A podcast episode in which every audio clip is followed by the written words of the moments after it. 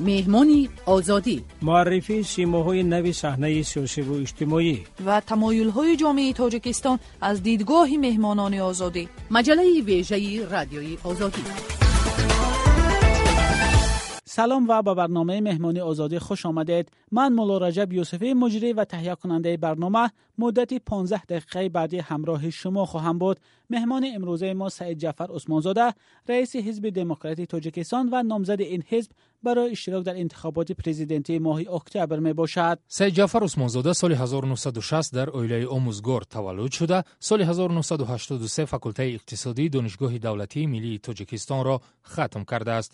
Дар ниҳодҳои мухталифи давлати хадамоти гумрук бонки миллӣ кумитаи радио ва телевизион пулиси андоз ва донишгоҳи аграрӣ дар вазифаҳои гуногун фаъолият дошт соли 2005 ба таъсиси ҳизби ҷавонони прогрессивии тоҷикистон азм кард вале сабти ном кардан натавонист. Сайҷаъфар усмонзода соли 2006 ба ҳизби демократ пайваст ва моҳи декабри соли 2012 раиси он интихоб шуд. Дар интихоботи президентии соли 2013 ба ҳайси номзад аз ҳизби демократи тоҷикистон ширкат кард. Дар интихоботҳои парлумонии соли 2015 ва 2020 вакили маҷлиси намояндагон интихоб шуд.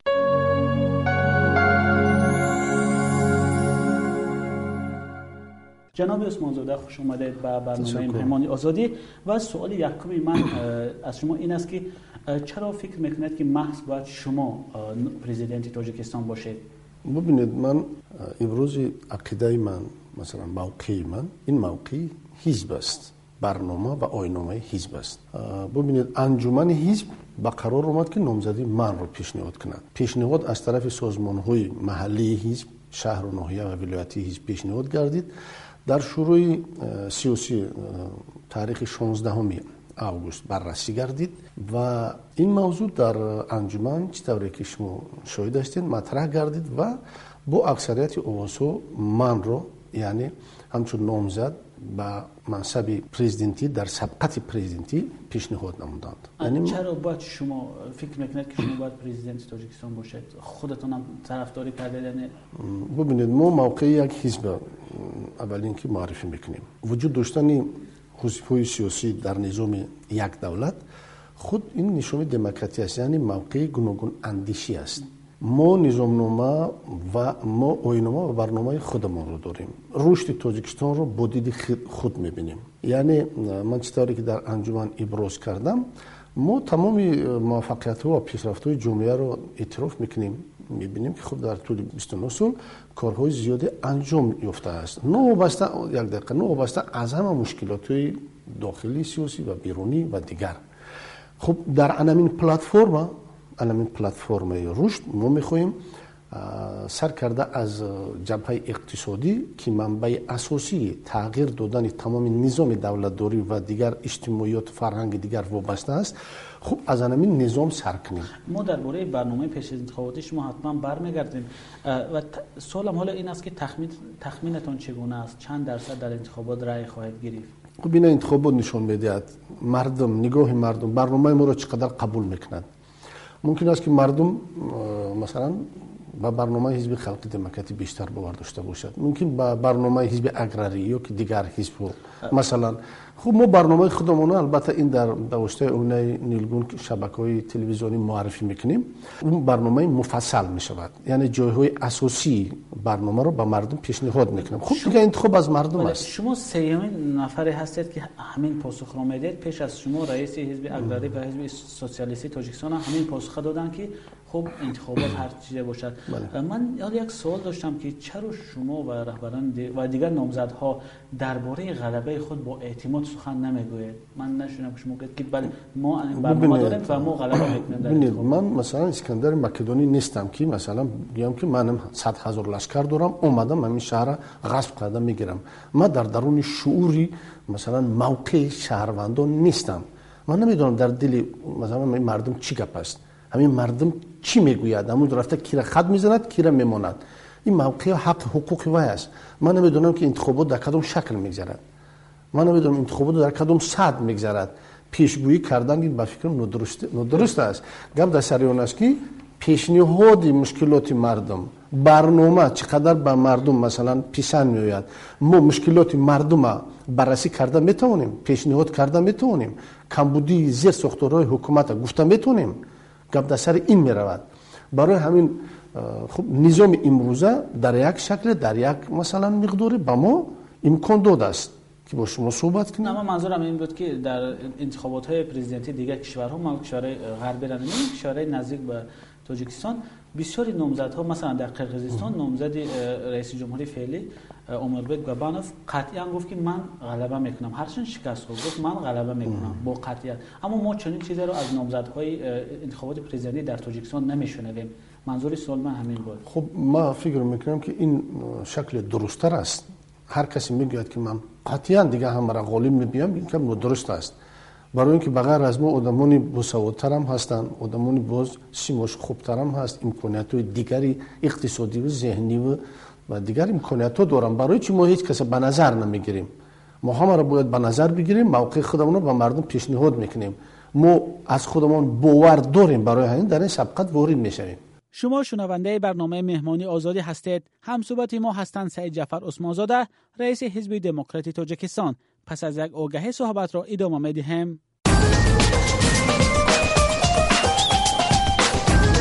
اندیشه و نظری خود را به رادیوی آزادی ارسال نمایید ایمیل ما tajik at rfrl.org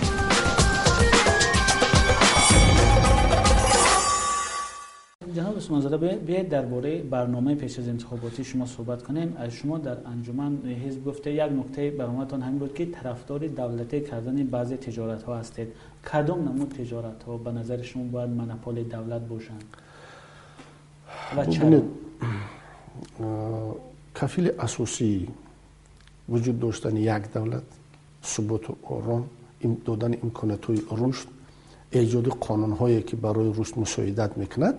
اساسا حکومت است زیر ساختار حکومت است چون که در دست حکومت فشنگ های زیاد است فشنگ های زیاد است از این رو وقتی که قسمی آسیب پذیر جامعه مردمی عادی قسمی تاجر میانه و تاجری که مثلا به یک تجارتی مینیمالی مشغول است که روش میگذروند نه فقط خوران معیوبان قسم دیگر احتیاجمند جمعه که اساسا مبلغ گذاری از بودجه می شوند و سیستم و مکانیزم های دولت اونا رو نگاه بین و پشتیبان می‌کند یعنی در قسم درآمد بودجه باید مبلغ بسنده باشد امروز مثلا بلوک اقتصادی مکانیزمی کاری بلوک اقتصادی مثلا مطابق ارزش هایی که ما در نظر داریم مطابق ارزش ها نیست اکنون شروع از همین سه چهار سال آخر باید مکانیزم اداره بلوک اقتصادی باید با کلا باید تغییر بیابد.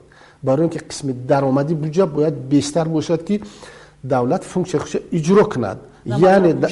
من میگم تجارت ها ببینید مثلا بسیار تجارت های هستن که فایده زیاد دارند معتدل هستند آسان هستند تلفن های موبایلی هرچند این مثلا شرکت های ترانس هستند албатта лекин роҳ усул дорад ки мо бояд фоидаи онҳоро бештар ба қисми даромади буҷа равон кунем. Масалан коркарди конҳои фоидаовар аз қабили тилло нуқра масалан ва дигар сангҳои қиматбаҳо ки баъзе инҳо масалан дар тобеият ё ин ки истифодаи баъзе ширкатҳое ҳастанд ки фақат як андоз меспоранд ё ки бонуси обинавӣ меспоранд ва дар маҷмӯъ фоидаи бештара онҳо мегиранд ولی مردم که از بوجا مثلا انتظار است خب قسمی درآمدی بوجا غنی نمی‌شود. یعنی شما فکر می‌کنید بعد این نمو تجارت ها منپال دولت باشند تجارت فروش تلفن موبایل اگر خطا نکنم تجارت دارواری گفته در انجمنتان و تجارت این ببینید اینجا من... یک چند پهلو دارد. مثلا هم تامینات مردم با مواد خوراکه یعنی اوزقواری و داروهای طبی این صفت خوبتر محصولات نظارت کرده می شود ما امروز در تجربه دیدیم که همین تاجری که ما امروز داریم ما به این تاجر همه چیز باور کرده نمی شود برای چی؟ ما دیدیم که همین داروهایی که امروز در دکانهای مثلا تاجیکستان میفروشند دکان‌های داروهایی بعضی تاجرها رفتند به پاکستان به هندوستان به روسیه از یک تبلت که ده تبلت که سوختن یعنی دهقان عادی وقتی که می‌گوید فشارش بلند می شود یک تبلت می خرد هیچ فایده نمی کند و می ترسد که ده تبلت بخرد.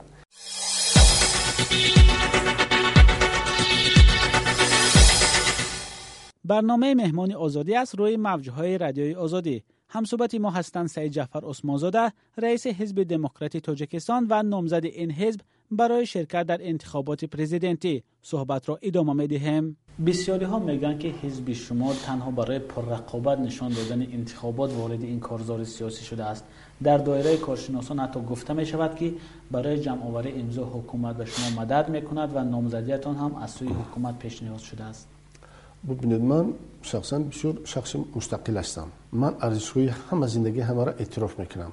در برابر این ارزش‌های زندگی خودم پیشنهاد می‌کنم. و اومدن من به حزب دموکرات هم بسیار اعضای حزب سابقه دارو باورم نداشتن. لیکن من اثبات کردم که من حزب پارلمانی شد. یک. ما اعلان کردیم که حزب دموکرات تاجیکستان حزب اپوزیسیون کنسترکتیوی. یعنی با همه احزاب کار می‌کنیم با همه طبقه های جامعه کار می‌کنیم. علی‌الخصوص با حکومت. با حزب حکمران. برای چی؟ نفوذ بیشتر دارد. ساختارها اداره دولت در دست حزب حکمران و حکومت است.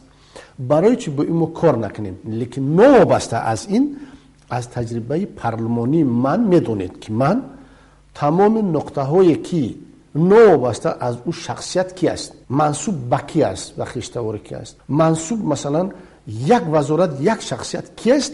من بسیار انتقاد سخت می‌گرفتم.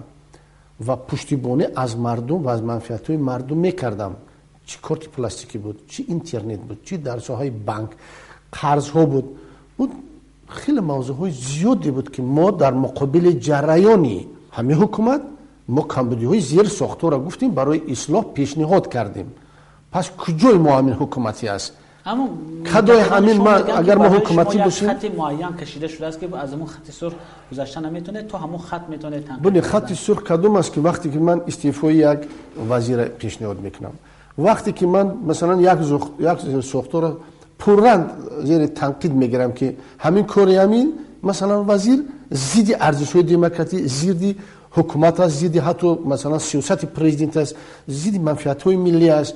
خب اینا که شد روشن گفتنم کار آسان نیست هر کس هم نمی‌گوید اینا.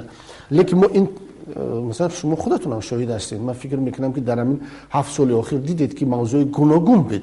حتی در بعضی سایت ها شخصی که مقابل مثلا روش آب می گفته مثلا مقاله می نیستن لیکن بود نظر بگیرید که شخصا به من زیاده از چور هزار عریضه وارد شده است. زیاده از چور هزار عریضه که همه عریضه ها رو ما بررسی کردیم. کم عریضه ایمون که قناعت بخش نشد. تا حد اون که مثلا پرکرو یا ناحیه را از کار گرفتن. در اساس عریضه شهروندان. خب هم مقابل جریان است دیگه. پاسخ هم گرفتم اما وقتی ما عذر کمی محدود است. دو سال خیلی کوتاه دیگه داشتم. ما این سوال رو از همه نامزد هم می‌پرسیم از شما می‌خواستم بپرسم. اگر در دیبت یا بحث زنده با نامزد و رئیس جمهوری فعلی امام علی رحمان روبرو شوید با او چی سوال می‌دهید اگر چون شرایط فراهم شد همه نامزدها در دیبت اشتراک کرده. البته سوال همین است که نو وابسته از اون که کدوم حزب حکمران یا که دیگر حزب وقتی که به سر قدرت می آید برای اصحاب سیاسی دیگر برای در عمل نشان دادن موقع و برنامه و آینامش چی امکان می دهد یعنی در دولت دوری مثلا در حکومت اجرایی اونا را راه میتیند یا نمیتیند یا کمی خیلی رنگی بچه اوگای میموند بچه اوگای. تقسیم حکومت با, حکومت با همه حزب سیاسی در یک در یک سطح باید که تقسیم باید باشد. همه حزب سیاسی باید در اداره دولت اشتراک کنند. برنامه خودشون رو کی هستند چی امکان دارند چی نامزدا دارند باید با مردم با حکومت با جامعه نشون بدین حسگذار باشند همچون یک بیسپلاتنی کامنتاتر نباشند از این, این مثلا برنامه چی بگیم روزنامه با یک روزنامه دیگر نه در عمل ما چی کرده می‌تونیم حزبای دیگر متخصص زیاد دارن ما بسیار کارها را کرده می‌تونیم ما از بعضی متخصصی که امروز در سوا کار می‌کنن بهتر خوبتر متخصص داریم می‌تونیم اونا رو پیشنهاد اینجا رسیدیم به پایان برنامه. یادآور می‌شوم که همصحبت ما بودند سید جعفر عثمانزاده رئیس حزب دموکراتی تاجیکستان. من مولا رجب یوسفی مجری و تهیه کننده برنامه در اینجا با شما خداحافظی می‌کنم.